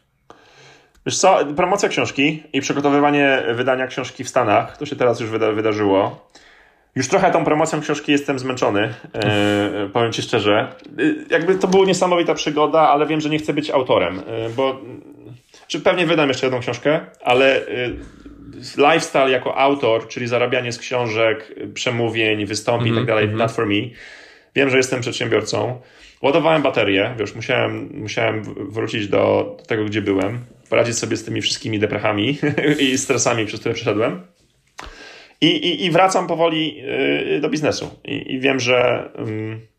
To słuchaj, bo jak co-foundera szukam do nowego projektu. Tak, może pogadać, tak. Wiesz, cały czas y, przy okazji y, byłem odpowiedzialny za rozwój RTB House w Afryce, czyli bardzo, bardzo fajna spółka technologiczna z Polski. Wydaje mi się, że to będzie pierwszy unicorn ale nie chcę tutaj za bardzo zrobić autopromocji, ale mhm. fantastyczny biznes. I, i, I ta spółka, i ta firma też mi bardzo pomogła przez te wszystkie ciężkie chwile. E, bo wiesz, nie każda firma chciałaby robić biznes z kimś, na, na, kto jest na liście Interpol. A RTB House mnie, mnie wtedy wsparł i, i, i będę im chłopakom zgodnie wdzięczny. I zrobiliśmy całkiem fajny biznes razem w Afryce. E, I nadal się tym zajmuję. E, mhm. I, I wiesz, i wracam de facto w 100% do biznesu, bo, bo ciężko było mi być zaangażowanym w 100% w biznesie, kiedy e, kończyłem pisać książkę, bo chciałem, żeby to wyszło i, i też jeszcze kończyłem sprawy sądowe, nie? I zarządzałem trzema, trzema procesami sądowymi naraz w Polsce, we Francji i w Nigerii. No tak, tutaj no fokus, fokusu brakuje wtedy, tak. prawda? E, widziałem też, że e, jesteś w kilku, powiedzmy, advisory boards. E, jesteś konsultantem między innymi u Lecha Kaniuka, który jest i tutaj był u mnie w podcaście, jest mentorem w mojej Akademii SAS, gdzie tam wspieramy biznesy SASowe. Co, co tam robisz? Doradzasz Lechowi, jak zrobić sunroof unicorna? Tak. E, w Afryce jest dużo tam, słońca, dużo słońca tam świeci.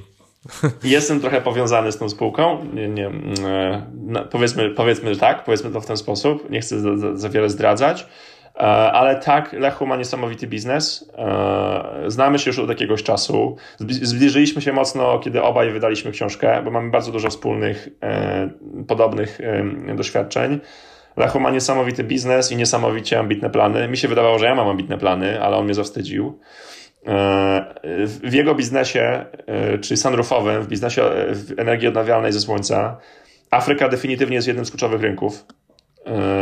Oczywiście klienci w Europie decydują się na solar power z innego powodu niż klienci w Afryce ale bez wątpienia jest to rynek tutaj kluczowy i na pewno będziemy coś tam razem z Lechem kombinować, e, jakby tu ten jego biznes e, wprowadzić do Afryki, więc gdzieś tam z boku e, staram się mu, mu w, tym, w tym temacie pomagać, bo spółka jest niesamowita. I to jest fajne, że, że, że możesz budować biznes, który nie tylko pozwala ci zarabiać pieniądze, ale też możesz sobie to tak wytłumaczyć, może czasami zbyt simplistycznie, że to też pomaga trochę wszystkiemu naokoło ciebie. Bo jak załóżmy, otworzysz kasyno albo wiesz, jakiś normalny, klasyczny biznes, to tego nie masz tak bardzo. A, a tu jest to o tyle fajne, że w biznesie energii odnawialnej każdy kilo, każda kilowatogodzina wyprodukowana ze słońca, no to jest prawie jedna kilowatogodzina wyprodukowana z węgla mniej. Tam są niuanse a propos tego, jak to jest produkowane, mhm. transportowane i tak dalej, ale to działa na korzyść y, dla, y, dla tego, co wokół ciebie. Więc to jest takie fajne poczucie, że, że to działa dobrze i wewnątrz, i na zewnątrz.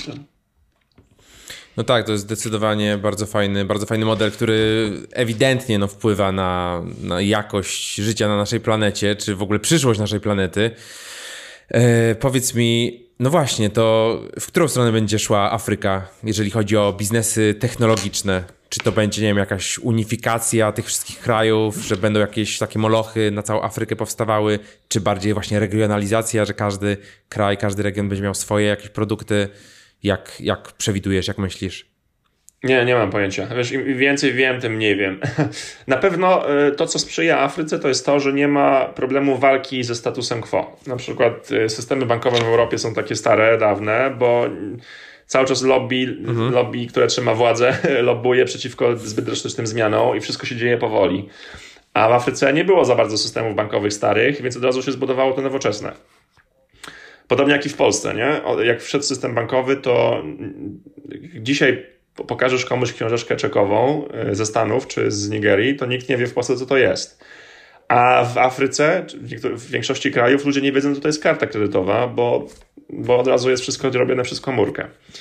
E, jest duża szansa, że blockchain i, będzie miało o wiele więcej zastosowań w biznesie, o wiele szybciej zostanie za, zaangażowany, e, bo mm, blockchain nie ma tam z czym konkurować, bo się buduje coś na nowo, od zera. Um, więc jest dużo takich powodów, dla których można uważać, że technologia zostanie wiele szybciej zaadaptowana w Afryce, e, o, o, o ile rozwiążesz podstawowy problem dostępu do internetu e, i, i siły nabywczej. Bo pamiętajmy o tym, że jasne, Afryka to jest miliard ludzi, średnia wieku 30 lat, ale 85% ludzi żyje z dnia na dzień. Um, oni myślą o tym, jak przeżyć, a nie o tym, jak zostać konsumentem. E, więc, więc to jest z kolei to, to niebezpieczeństwo, bo e, wchodząc w czwartą rewolucję technologiczną, jednak przechodzimy na, do momentu, w którym y, demografia jest słabością kraju, a nie siłą. Kiedyś się mówiło o wspaniały naród, młody, dużo siły roboczej, taniej i tak dalej. Teraz już niekoniecznie. To jest bardziej problem niż, y, niż, y, niż siła narodu, więc więc ryzyko jest takie, że może Afryka już przegapiła tę możliwość globalizacji, że Indie się jeszcze załapały, ale Afryka już nie do końca. Także zobaczymy. E, trzeba, trzeba robić swoje, trzeba budować biznes. Nie jesteśmy mm, ofiarami e, przyszłości, która już jest zdecydowana. Trzeba budować. To już tak zbliżając się ku końcowi, powiedz mi, gdzie teraz będziesz kierował swoje siły? Czy tak jak mówiłeś, wracasz do tego twardego biznesu i robienia tego zero to one za Peterem Tillem? Mhm. Wiesz co, ja na, na bank na bank dobrze się sprawdzam w chaosie, mam uczulenie na Excela, e, lubię e, biznesy na wczesnych etapach rozwoju, bardzo lubię te miękkie aspekty biznesowe typu sprzedaż, budowanie teamu i tak dalej. E, kiedy biznes już osiąga określone rozmiary, to ja już się zaczynam męczyć, a wiem, że są ludzie, którzy dopiero wtedy się rozkręcają, mm. bo lubią optymalizować procesy i tak dalej, więc i mogę, mogę wykorzystywać swoje siły albo przeskakując z firmy na firmę, z projektu na projekt i zawsze skupiać się na tym pierwszym etapie funkcjonowania firmy, jeśli to jest taki mój lifestyle, albo mogę robić wewnątrz, to, wewnątrz takiej firmy, która pozwala tobie na cały czas przeskakiwanie. Um, ja sobie teraz dałem taki ambitny plan, że w cokolwiek się zaangażuję teraz na 100%, czy to będzie kontynuowanie RTB House, czy czego innego, czy dołączenie do Lecha, czy, czy cokolwiek jeszcze innego, cokolwiek zaangażuję się teraz, chcę, żeby to było na 100% e, i chcę, żeby to było na 10 lat. E, żeby hmm. nie robić czegoś po 3, po 2 lata, tak jak to miało miejsce często u mnie, tylko robić coś naprawdę dużego i żeby to osiągnąć, to chcę, żeby to było na 10 lat. Taki jest mój ambitny plan, który też jest y, trochę poza moim comfort zone. Trochę mnie przeraża, dlatego daję sobie czas y, na to, żeby tą decyzję podjąć dobrze tym razem. Kurczę, jesteśmy w jednym wieku, a tak wydaje mi się, że ty przeżyłeś dwa życia już. E, po prostu dzięki temu, tej intensywności. Masz siwe włosy. No nie, no, no ja też trochę mam tutaj z boku. E, kurczę, tak, no naprawdę, no widać, że bardzo, bardzo intensywnie, szczególnie, że zacząłeś bardzo wcześnie, tak? Zacząłeś w wieku tak. 20 kilku lat już bardzo intensywną tak, pracę. 19 tak naprawdę, tak, tak. 19 lat i potem bardzo mocno wszedłeś? Czasami, czasami później znaczy szybciej. Nie? Ja, jeśli miałbym cokolwiek zmienić w życiu, to pewnie zmieniłbym bardzo mało, ale jedną rzecz na pewno mógłbym zmienić i to jest mhm. to, że poszedłbym do biznesu później. Mhm. E, że taki rok czy dwa popracowania e, właśnie w jakiejś dużej korpo, nauczenia się przynajmniej na ich błędach, e, czy posiedzenie rok na jakiejś dobrej uczelni, żeby zbudować sobie szybciej dobre znajomości, to by bardzo dużo dało. Jeśli ty masz to, co powinieneś mieć, żeby być dobrym przedsiębiorcą, to nieważne, czy wejdziesz do biznesu w wieku lat 20 czy 30, zawsze będziesz miał szansę na biznes, bo będziesz widział opportunities mm. everywhere, ale ważne jest to, że po, po, popełnisz masę błędów, za które ktoś inny zapłaci mm, niż ty. Więc, yy, więc wiesz, ja rzeczywiście mogę, można powiedzieć, że miałem dwa życia, że zbudowałem tego doświadczenia bardzo dużo, ale miałem też kupę szczęścia, mogłem się przekręcić parę razy nie? i nie byłoby tej rozmowy. No tak. Więc nie wiem, czy warto zawsze ryzykować. No tak, to jest, wiesz, po prostu cyrklowanie. E, to za coś. Ale dzięki temu, że e, ty przeżyłeś te dwa życia, e, jesteś teraz tutaj, jesteś w stanie dzielić się, to, dzielić się tą wiedzą. E, myślę, że część osób by faktycznie tego, tego tempa w ogóle nie wytrzymała e, i widać, że ludzie się i wypalają i, i w ogóle, nie wiem, no, skaczą z budynku, bo spółka ma problemy, bo też takie sytuacje tak. niestety są. No nic, moi drodzy, książka, książka, Polecamy. polska wersja angielska, wszystkie, wszystkie te, wszystkie możliwe. Tak. Wejdźcie, jak ktoś jest zainteresowany, jeszcze nie, nie, słuchał, nie czytał. Audiobook jest super. E, podobno wiele lepiej się słucha niż czyta, bo świetny aktor go przeczytał, Kamil Kula. E, na mojej stronie marekzmysłowski.com albo goniąc.czarnejednorożce.pl wszystko jest opisane. Tam też napisałem, e, gdzie idzie kasa ze sprzedaży książki, bo za, jak to się mówi, że skomitowałem się, sorry za moje angielskie słowa wrzucane mm-hmm. od czasu do czasu, skomitowałem się do tego, że cały dochód ze sprzedaży książki mój, jak i wszystkie ewentualne występy na konferencjach związane z książką, za które mi płacą, idą na, na działalność charytatywną, o której też możecie przeczytać na, na, na mojej stronie. Także to nie jest tak, że wspieracie mnie, żebym sobie kupił coś nowego, e, tylko to idzie na fajny cel, e, o czym mm, do przeczytania o nim Was gorąco zachęcam. No właśnie, właśnie, właśnie miałem w głowie, bo mówiłeś o tym, jak ciebie pierwszy raz zobaczyłem na Auli Polskiej w Warszawie i wtedy potem, potem kupiłem książkę i ty właśnie mówiłeś o tym, że to idzie na właśnie tam dziewczynki yy, z tego regionu, gdzie jest to Boko Haram, tak? I nie mogłem sobie przypomnieć, skąd tak. w ogóle, skąd, skąd to wyszło, gdzie ja, gdzie to słyszałem i teraz właśnie sobie przypomniałem. E, Okej, okay, no, także kupujcie, Kupujcie tak, książkę, tak. serdecznie polecam, naprawdę. E, bardzo śmieszne jest to, że ja wchodzę potem na te strony i faktycznie te firmy istnieją i są, są ci ludzie i, i to nie jest fikcja, co można, można czasami, no, no pomyśleć, że to jest kurczę fikcja, bo, bo, bo jest tyle, tyle ciekawych, ciekawych rzeczy dla osób, które się interesują biznesem internetowym i podróżami, i przygodami. E, polecamy. E, no i co, dzięki za mm, genialną rozmowę. E, bardzo się cieszę, że, że, że, że, do mnie wpadłeś. Dałem ci scenę i e, Także dzięki za rozmowę. Mam nadzieję, że się Wam podobało. E, powiedz mi jeszcze, gdzie można Ciebie znaleźć, jeżeli ktoś by chciał więcej informacji o Tobie, czy skontaktować się z Tobą. Tak, wystarczy chyba wpisać moje imię, nazwisko w Google, to zaraz wyskoczą jakieś moje social, konta social media i e, strony internetowe. E, od, na wszystkie maile odpowiadam sam. albo marekzmysłowski.com, albo po prostu goniąc-czarnojednorożce.pl i tam, tam są wszystkie linki. Także zapraszam do kontaktu. Dzięki jeszcze raz za rozmowę i do usłyszenia. Trzymaj się. I to już wszystko w dzisiejszym odcinku. Dziękuję Ci bardzo za wysłuchanie. Mam nadzieję, że e, ten odcinek Ci się podobał. Mi się podobał bardzo, e, więc mam nadzieję, że podzielasz moje odczucia. Jeżeli tak, e, to słuchaj, podziel się tym odcinkiem gdzieś w swoich mediach. Jeżeli jesteś na przykład na Instagramie, zrób screen i oznacz Bogusz Pękalski, oznacz Marek Zmysłowski. Będzie nam bardzo, bardzo miło. Także jeszcze raz dziękuję Ci za wysłuchanie i widzimy się, a w zasadzie słyszymy się w kolejnym odcinku.